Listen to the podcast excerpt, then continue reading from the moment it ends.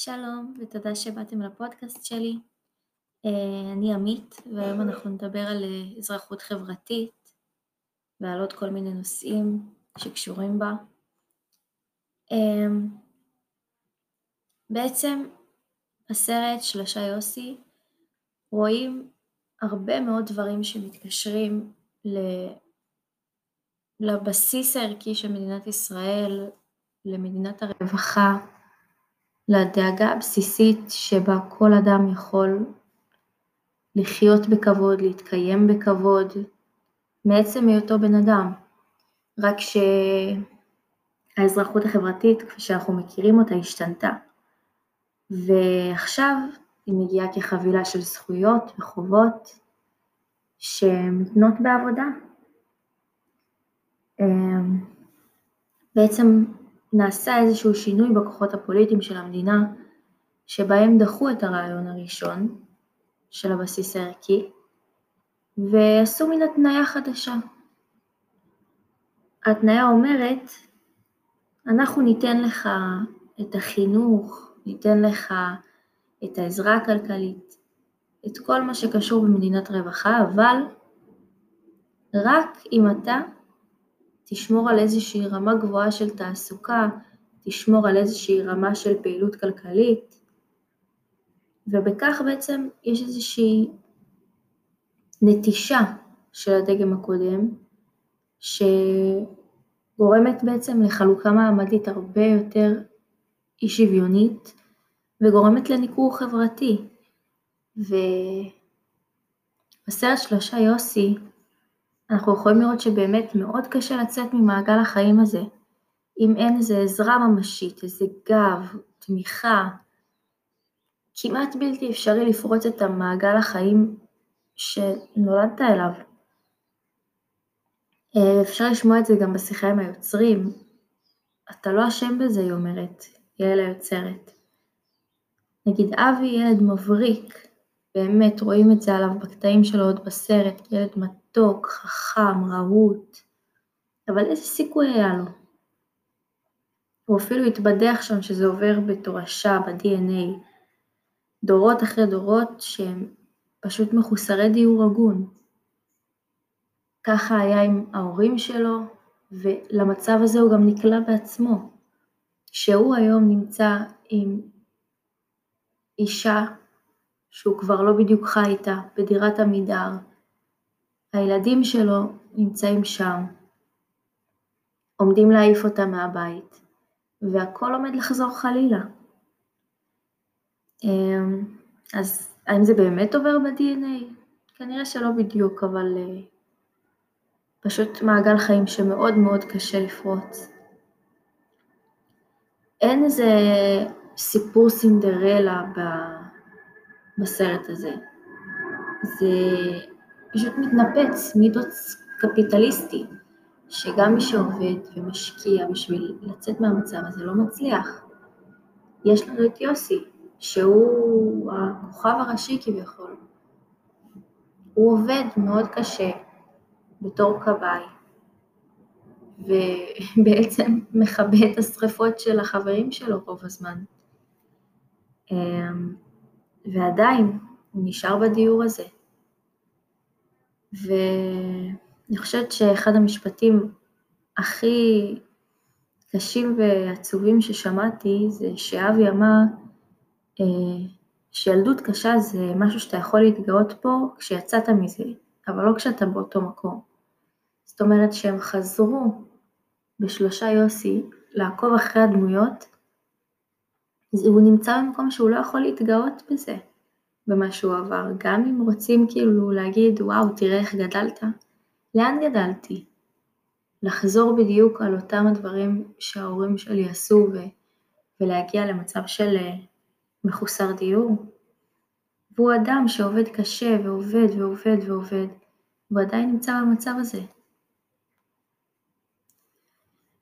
Uh, היחיד בסרט שעוד איכשהו הצליח לפרוץ את המצב ולשמור על עצמו, בלי איזשהו גב כלכלי או תמיכה יותר מדי, זה בעצם אלירן, הבן של יוסי, ששמר על עצמו מתוך חלום, חלום של ילד קטן להיות כבאי כמו אבא שלו. ויכול להיות גם שחלק מאוד גדול בזה שהוא הצליח לפרוץ את זה, זה שהוא היה בפנימייה עד גיל מסוים. הוא לא גר הרבה זמן בבית הנטוש, אחר כך הוא גדל לבד עד גיל 18 בשכירות אצל משפחה, שזה דברים מאוד קשים שמעצבים בן אדם, אבל אולי זה מה שגם שמר עליו מהחוזר חלילה. ובעצם אבא שלו, יוסי, הוא דמות שגם אם אתה לא רוצה, אתה אוהב אותה. כי עם כמה שהוא עושה טעויות, הוא עושה הרבה טעויות, יש לו אהבה מאוד חזקה לילדים, ולילדים שלו יש אהבה חזקה כלפיו. כל מה שהם לא עברו ביחד, ועדיין הוא הולך עד סוף העולם בשבילם, והם מוכנים ללכת עד סוף העולם בשבילו, וכולם אוהבים אחד את השני. ויש פה איזשהו געגוע לאותנטיות, געגוע לאמת, כמו שהיה לו כשהוא היה במרוקו. כי אימא שלו מסרה אותו לאחותה, שלא יכלה להביא ילדים, והם עברו לארץ כי הוא כל הזמן היה מנסה לחזור חזרה למשפחה שלו. וזה דבר שהשפיע עליו מאוד כנראה. כי עם כמה שהוא חותר להגיע ליציבות, לנורמליזציה, כל פעם שנראה שהוא כמעט מגיע לשם, הוא שובר את הכל ומתחיל מההתחלה. גם כשהוא היה מגיע לדירה רגילה, בסוף הוא היה חוזר לבית הנטוש. והיו שם הרבה דמויות מאוד, אה, מאוד משמעותיות בסרט, אה, כמו אה, אחת הדמויות שהיא הייתה במעצר בית שנה, והילדים שלה גדלו בשנה הזאת בבית הנטוש לבד, לבד בלי אף אחד. ובאיזה מציאות נורמלית, באיזה מדינה מפותחת, עם כביכול מדינת רווחה, דאגה לאזרחים, איך ילדים נופלים בין הכיסאות בצורה כזאת, שהם נמצאים שנה שלמה בבית נטוש בלי הורה, בלי אף אחד שידאג להם, ובעצם מראה שהכל זה מין מעגל כזה שאי אפשר לפרוץ אותו, שאם הזכויות האלה לא באות כמו אזרחות חברתית, לא באות מתוקף היותך אזרח, מגיע לך את הדברים האלה, שם מתחילות הבעיות ושם מתחילים הפערים. באמת, אפילו אחת הדמויות אה, מדברת על איזושהי סגירת מעגל, שהיא הכירה את אבא של הילדים שלה, ומאז הוא כל הזמן בבתי כלא, ועכשיו גם הילד שלה איתו ביחד בבית כלא.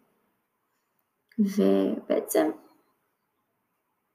יש כל כך הרבה אחריות בלהכין סרט כזה, כי אתה עוקב אחרי אנשים שאין מה לעשות, המדינת רווחה כשלה איתם, כשלה איתם. זה אנשים שאין להם חינוך כמו שצריך, שאין להם דיור כמו שצריך, שאין להם חיים ברמה הכי בסיסית של ביטחון, של מקום לחזור אליו כל פעם שאתה יודע שהוא יהיה שם, שהם במלחמה תמידית על הבית שלהם, שהם מוכנים לשרוף את זה, את המקום רק בשביל להישאר שם, ו...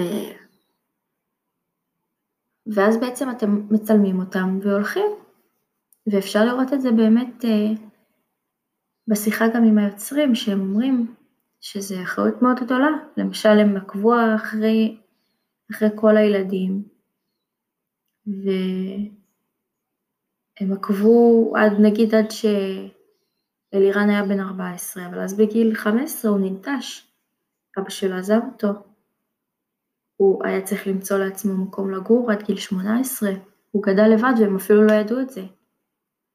הם כביכול עזבו אותם שטוב, שכולם קיבלו איזושהי דירת עמידר, ואתה חושב שהולך להיות איזשהו משהו אופטימי, אבל, אבל כנראה שלא הכל בסדר.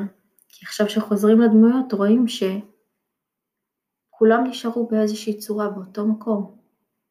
במעגל הזה, ברחוב, בקושי, בשיוורון יומיומי. ו... במיוחד שמשדרים כאלה חומרים רגישים, שיש בהם גם ילדים, זה מידת אחריות מאוד גדולה. וזה אמור לתת לכולנו לחשוב על אה, אם אנחנו מסכימים עם המדיניות החדשה הזאת של המדינת רווחה, אם אנחנו מסכימים שהיא מותנית בכל כך הרבה דברים, האם לא ראוי שכל אדם שהוא אזרח, יהיה לו את הדברים הכי בסיסיים לחיות ולקבל חינוך ולקבל דרך לצאת מהמצב הזה ולהתקדם בחיים ולא להעמיק את הפערים. אז עד כאן להיום, ותשאירו את השאלות האלה בראש. ואני מקווה שיום אחד נוכל לדבר ו... ונראה שחזרו לד... לדגם אחריות חברתית. ושכל אחד יכול לקבל את מה שהוא ראוי לו, מעצם היותו אדם, מעצם היותו אזרח, שזה באמת תנאים הכי בסיסיים שיש בחיים.